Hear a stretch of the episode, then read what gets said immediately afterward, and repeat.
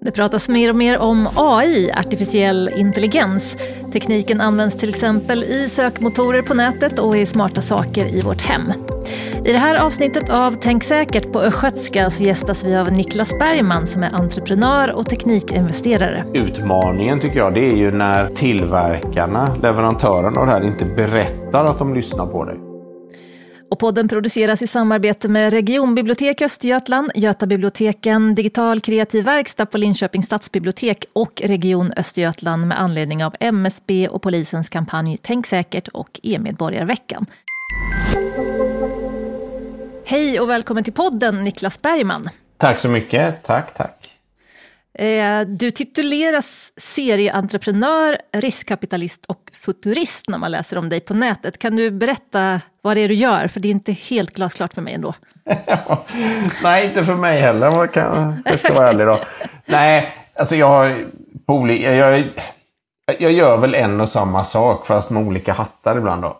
Jag jobbar mm. med att försöka se möjligheterna med nya teknologier. Eh, ja, och även utmaningarna såklart. Men eh, i min roll som entreprenör och teknikinvesterare så ser jag ju möjligheterna. Eh, om jag då på något sätt lite, ibland med viss tvekan, får en stämpel futurist då så eh, får det väl gå. Och då är det väl snarare att jag eh, se, försöker att vara lite mer balanserad och även se utmaningarna med nya teknologier. även om jag i grunden är optimistiskt lagd. Men, nej, men jag jobbar med att utveckla bolag, idéer. Det kan vara alltifrån några entreprenörer till någon forskare till en innovatör till eh, vem du nu är som, som har en kul, bra idé. Gärna med ett, ett tungt teknikinnehåll och försöker vi att skapa någonting utifrån det. Då. Mm. Och det är ofta artificiell intelligens inblandad då, eller? Alltså, AI är ju ett av områdena som, eh, som jag tittar på. Vad det gäller investeringar mm. såklart. Eh, dels AI i sig självt. Och sen, sen är det ju väldigt mycket så. Det, det är ju som med, med el och datorer och mobilitet och allting. att AI blir ju ganska, har ju ganska snabbt blivit en naturlig del av affärsutveckling och verksamhetsutveckling. Så att det, det det, det, finns ju med. Man, man använder sin data och försöker förstå sin data. Då använder man maskininlärning för det och sådär. Så att det, eh, det, det kanske är mer att AI finns med som en komponent i ett erbjudande eller i en verksamhet. Mer än att det är liksom AI i sig självt som är det intressanta. Då. Man applicerar det mm. någonstans helt enkelt. Ja. Jag måste bara liksom backa bandet lite grann ändå. För att det känns som att det inte var så länge sedan då som artificiell intelligens, det var omgärdat av någon slags science fiction-skimmer och nu är det ett verktyg som är inblandat i alla branscher egentligen och även i vår dagliga internetanvändning. Men hur, hur länge har det varit så här egentligen? Är det nytt eller är det gammalt? Nej, det är ju... Ja, vad är gammalt? Det kan man ju fråga sig. Men det, nej, det är snarare så att AI, artificiell intelligens, som begrepp är ju inte purungt. Det, det har ju funnits liksom i 50 år mer. Mm. Eh, och man, man, hade någon... Då, på 60-70-talet så fanns det ganska ganska mycket, mycket resurser på att, liksom, att få maskiner att tänka och så vidare. och så där. Och, eh, Sen så trodde man väl lite för mycket på de här spåren man var inne på och märkte att det där går inte så fort och det kommer inte riktigt fungera som vi har trott. Och så, så blev det lite ett bakslag. Man fick samma krafterna att tänka om. Eh, och så kom eh, datorkraften i kapp kan man säga. Och sen då på sent 90-tal så hade vi ju en dator som vann över Garry Kasparov i schack och då trodde man att nu händer det. Just ja. Och sen hände det ingenting då heller. Nej. Och sen, men sen så kanske för tio år sedan så började det hända en, en massa intressanta saker och vi, vi fick snabbare och snabbare datorer då, hela, vilket vi får hela tiden. Vi fick också kraftigare databaser. Både snabba och omfattande databaser och vi började då jobba med algoritmer och maskininlärning på olika sätt. Och bara det faktum att vi kunde samla in mycket data gjorde ju att vi också kunde analysera den datan och ur det lära oss mer och lära våra system mer. Eh, och ur det har ju då liksom artificiell intelligens kommit i det perspektivet där vi är idag. Då. Mm. Sen, sen är det så mycket en definitionsfråga det där tycker jag. Vad är artificiell intelligens? Ja, precis dit jag tänkte komma. Vi kanske ska definiera vad vi menar när vi pratar om artificiell intelligens. Ja, men man, man kan ju kalla det för liksom någon form av... Fortfarande det science fiction-perspektivet på det, det är ju det här eh, HAL 9000 i 2001 eller Terminator eller, eller vad det nu är. Alltså de här stora allvetande generella intelligenserna som då är, är, är maskinbaserade. Det, det är ju ett perspektiv på det. Eh, ett annat perspektiv, och, och, där är vi ju inte idag, även om det finns de som Nej. håller på att titta på det där. Men vi är ju snarare där att vi kan med hjälp av mycket data lära en, en mjukvara, en, en algoritm, eh, någonting inom ett väldigt smalt område. Då. Och kunna eh, eh, förstå bilder, förstå tal, förstå text och sådär till exempel. Eh, sen, och, men det innebär också att den algoritmen, den artificiella intelligensen är ju potentiellt och väldigt kompetent inom ett smalt område. Men om du visar den en annan sorts bilder eller eh, en annan sorts Eh, text eller, eller vad det nu är så kan den ingenting plötsligt. Så att inom Nej. väldigt begränsade områden så har vi ju faktiskt maskiner som kan någonting idag. Mm. Men det handlar om att de eh, på något sätt liknar människan i, i det här med det intelligenta, vad ska vi säga, resonerande och inlärning och att kunna vara kreativ och planera saker. nej, ja, nej. det är, inte, det, inte så bra. Jag tycker nej. det, det är inte riktigt så bra. Men det, det är ju inte så att nej. de har ett eget medvetande eller förstår. Nej, ett exempel kan vi ta. Det, det finns ju eh, det finns robotar, eller så, det finns ju AI-system idag som, som då vinner över oss i schack, som vinner över oss i Jeopardy, i Go, det här brädspelet. Det finns mm. robotar eller mjukvaror då, som vinner över oss i, eh, i poker. Eh, och det där är ju väldigt imponerande att de faktiskt kan göra det. Att många av de här algoritmerna är självlärande och så vidare. Eh, men om du tittar på poker som exempel så har du ju då eh, algoritmer som, som faktiskt kan ta risk, som kan bluffa. Men de vet ju inte vad risk är, de vet inte vad en bluff är. Men de vet att gör jag så här så, eh, så kan jag vinna. Eller gör jag så här så händer eventuellt mm. det här och så här. Så att, det är ju en sanning med modifikation då att de så även, även om det, det, man kan kanske kalla det för någon form av intelligens så, så, finns det ju ingen medvetenhet om vad de gör. Inte så att de ska vara medvetna som entiteter men det, det finns egentligen ingen utifrån förståelse för vad de gör själva. Så det, det, det, här är ju fortfarande i sin linda verkligen. Mm. Var använder vi det som mest nu då? Eller var gör det som störst nytta kanske vi ska säga? Ja, det är inte samma sak riktigt. Eh, vad använder vi det som mest? Jag menar, det används ju för att, för att eh, få oss att köpa saker och det används ja. för att få oss att ta emot reklam mer på nätet till exempel. Mm. Mm, eh, så det är den ena biten. Eh, mm. Den andra är ju att det används, man, man börjar använda de här systemen där det, finns, där det finns mycket data att samla in. Eh, det kan vara meteorologiska data, det kan vara brottsstatistik, det kan vara om eh, översvämningar, det kan vara hälsorelaterad data. Där är det klart att det finns en väldig massa intressanta saker som händer. Det gör det mm. eh, I mm. vår förståelse av den mänskliga kroppen, eh, vår kunskap om att faktiskt fatta, eh, fatta beslut om eh, behandlingar för en viss sjukdom och så vidare. Där, där börjar vi ju se system som används för det här som är väldigt, väldigt intressant och som faktiskt då kompletterar den mänskliga erfarenheten väldigt, väldigt väl. Då. Fortfarande i sin mm. linda, men, men väldigt spännande utveckling som sker där.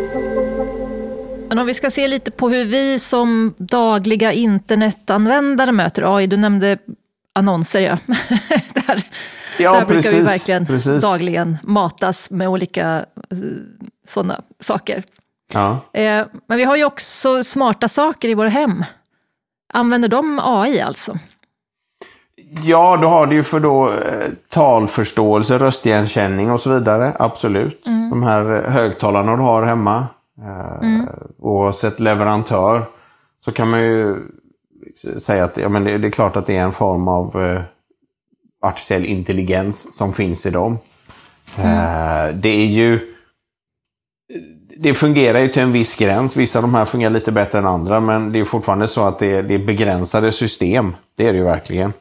Det mm. Men om du kan få en väderleksprognos uppläst, du kan, eh, den kan hitta recept för dig eller spela musik och sådär. Så det är klart att det, det är till stor hjälp när man eh, står med någonting annat i händerna och så vidare. Mm. Så att visst, det kan vi väl säga att det är en sorts AI. Inte tu tal om det. Nej. Finns det säkerhetsrisker med artificiell intelligens? Det måste det ju göra. Sen tänker man automatiskt, nu börjar jag tänka lite på de här smarta högtalarna när de lanserades. Då, då kom det ju rapporter om att, att det fanns någon av de här som eh, lyssnade och spelade in även när då användaren hade stängt av egentligen eh, den funktionen. Ehm, det har också kommit rapporter om att, om att hackare har kunnat koppla upp en massa olika smarta saker till, till ett botnätverk eller någonting då för att kunna överbelasta eh, mm, mm. måltavlor man har. Ja, men alltså det, det enkla svaret är ju ja på det då. Uh, ja. ja. men det är klart att det finns. Och det, alltså, om, man, om vi bara vidgar perspektivet lite så finns det ju, det finns ju risker med all ny teknik på olika sätt. Och, och det är ju slående hur vi alltid som, eh, som mänsklighet alltid befinner oss lite i bakvattnet, alltid ligger lite efter. Dels är, är vår kognitiva förståelse av en ny innovation. Men också hur, hur samhället, politikerna, samhällssystemet, etiken, lagrummet, allt det här ligger lite, lite efter hela tiden. Och det är inget konstigt i det. Det är nog bara ett faktum vi får acceptera. Eh, vad det mer specifikt gäller, om vi pratar smarta högtalare och sånt där, den här integriteten som är en utmaning då, så, så är det ju så att för att de här systemen ska kunna förstå dig så måste de ju lyssna på dig och lära av dig. Eh, såklart. Det är, inget, eh, mm. det är egentligen inget konstigt med det. Det som är utmaningen tycker jag, det är ju när tillverkarna, leverantörerna av det här inte berättar att de lyssnar på dig. Eh, det mm. tycker jag alltid är en utmaning.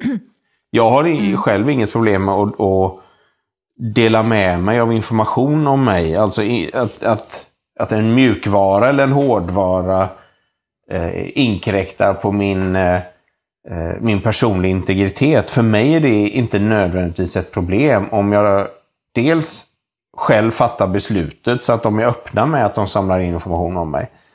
Och att det faktiskt ger mig någonting då. Eh, jag kan ju från tid till annan tycka att det är väldigt bra att jag får reklam som är skräddarsydd för mig.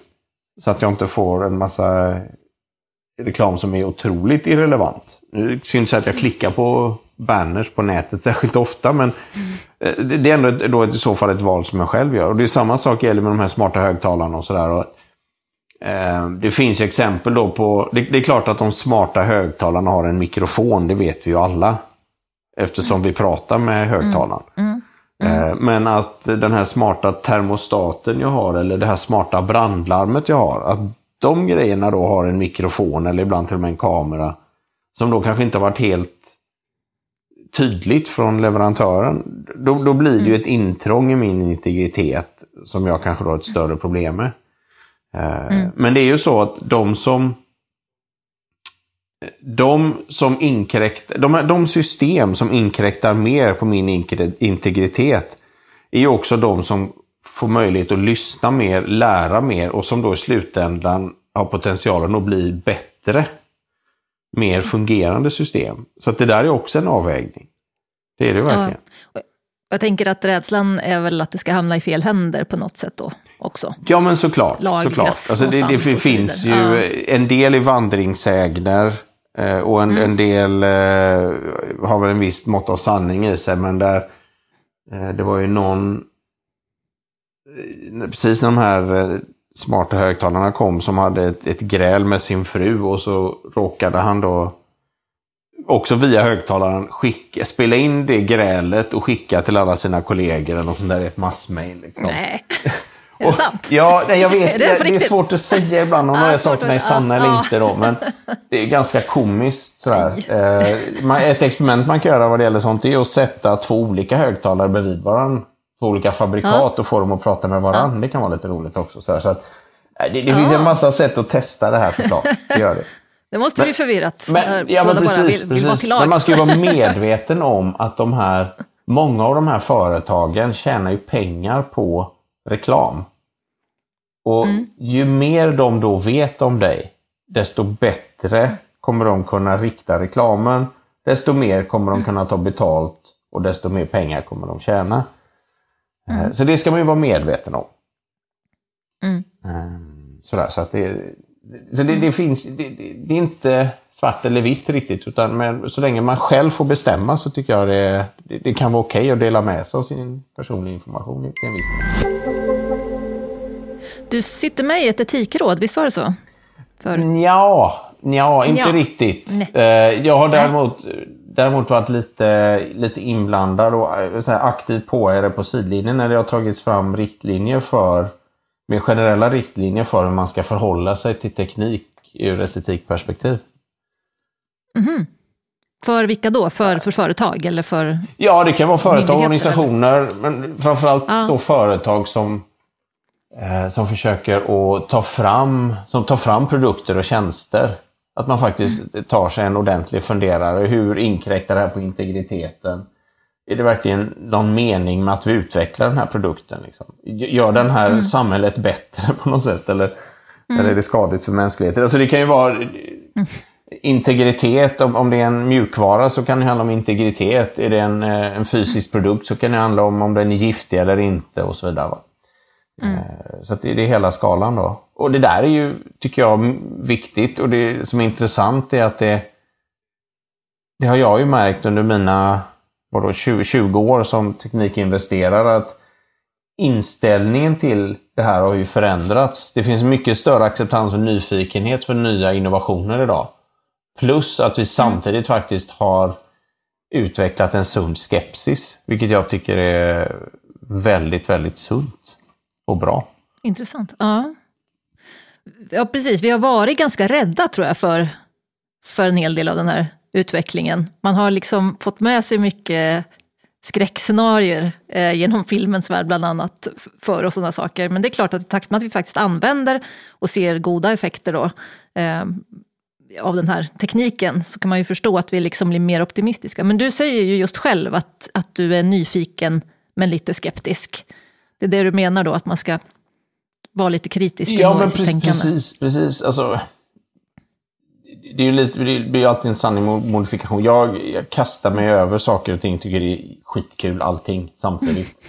Mm. Och det, det, det, kan ju funka för mig som individ då. Ja. Eh, om ja. jag då också jobbar med det här. Men om du som, alltså som, som medborgare i allmänhet som kanske är lagom intresserad av det här.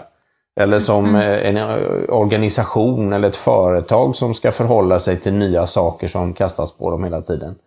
Så är det klart att jag tror man ska ha ett öppet sinne. Eh, och det, för mig, det, det gäller väl allt faktiskt.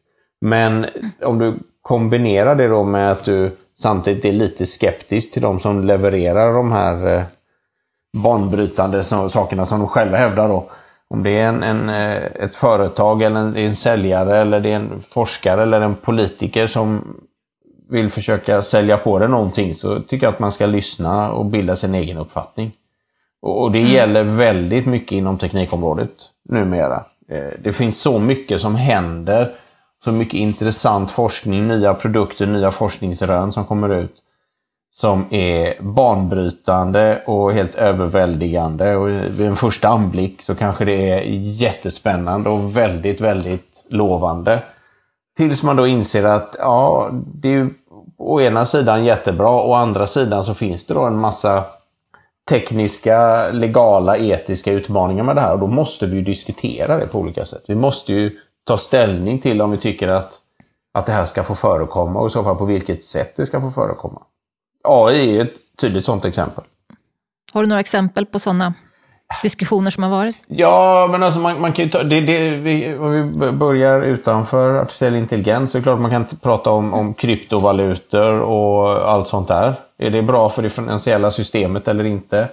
Eh, vi kan mm. prata genetik och möjligheten att eh, mappa eh, liksom DNA i ett ofött barn idag. kan man göra. Mm. Eh, och, det, och det är klart att det finns ja, väldigt massa bra anledningar till att göra det. Men det finns också dåliga anledningar till att göra det. Såklart. Eh, Vi börjar vä- välja vilka barn som ska få födas och inte utifrån... börja välja vilka barn som ska få födas. Där har vi faktiskt varit ganska länge. Ja, eh, precis. Jag tänker att det blir sätt. smalare och Ja. smalare. Ja. Men eh, inte, inte bara kunna välja vilka som ska födas, utan också då kunna bestämma, eh, okej, vi vill bara ha blonda, blåögda barn. Just det. Liksom. Hur bra är det? det är inte alls bra. Nej, nej, det är Eh, ju... Samtidigt som det då finns möjligheter läskigt. att analysera genetisk data och faktiskt idag gå in och f- förä- Vi kan ju tekniskt idag gå in och förändra den genetiska koden då. Eh, Och det är klart att det finns en massa bra anledningar till varför vi skulle göra det och det finns nog ännu fler dåliga anledningar till varför vi inte ska göra det. Så att det där är ju svårt då. Eh, Men om man fortsätter med AI så det, det pågår ju en, en ganska intensiv diskussion om huruvida man ska tillåta autonoma system inom eh, militären. Ska, du kunna, ska algoritmer själva kunna fatta beslut om att avfyra vapen till exempel? Just Det det. är ett sånt exempel. Eh, där det faktiskt då finns en diskussion bland de stora länderna hur man ska förhålla sig till det här. Det är ju en sån grej. Det är, en annan grej det är ju inom eh, autonoma självkörande fordon. Just det. Eh, det är ju lätt om det är en rak motorväg utan trafik, men sker det en, liksom en, en, om det är en incident, hur ska då ett sånt system hantera det? Eh, det finns en massa, förutom rent tekniska utmaningar så finns det ju etiska, moraliska utmaningar i hur de besluten fattas också. Då. Ja, precis. Och när det inte är en människa som ska ta ansvar längre. Nej, precis. Vem? Nej, exakt. va? Det är Ja. verkligen så. Nej. Mm, det är svåra avväganden. Mhm. Eh, Men det är väldigt intressant. Eh, Men man pratar ju liksom ändå om framtiden, att AI kommer att förändra liksom världen väldigt mycket. Eh, Vad är det för, kan vi prata lite framtid? Du har säkert, du är ju futurist. Vad, var, vad, vad är på gång? Vad har vi för tidsperspektiv på det? Ja, närmsta, kan vi säga tio åren då? Inte så långt. Närmsta tio åren Vad händer? så är det väl tydligt att vi kommer få fler och fler möjligheter alltså i, i vårt eget liv och även i, i våra verksamheter i företag. Så kommer vi få fler och fler möjligheter att automatisera uppgifter.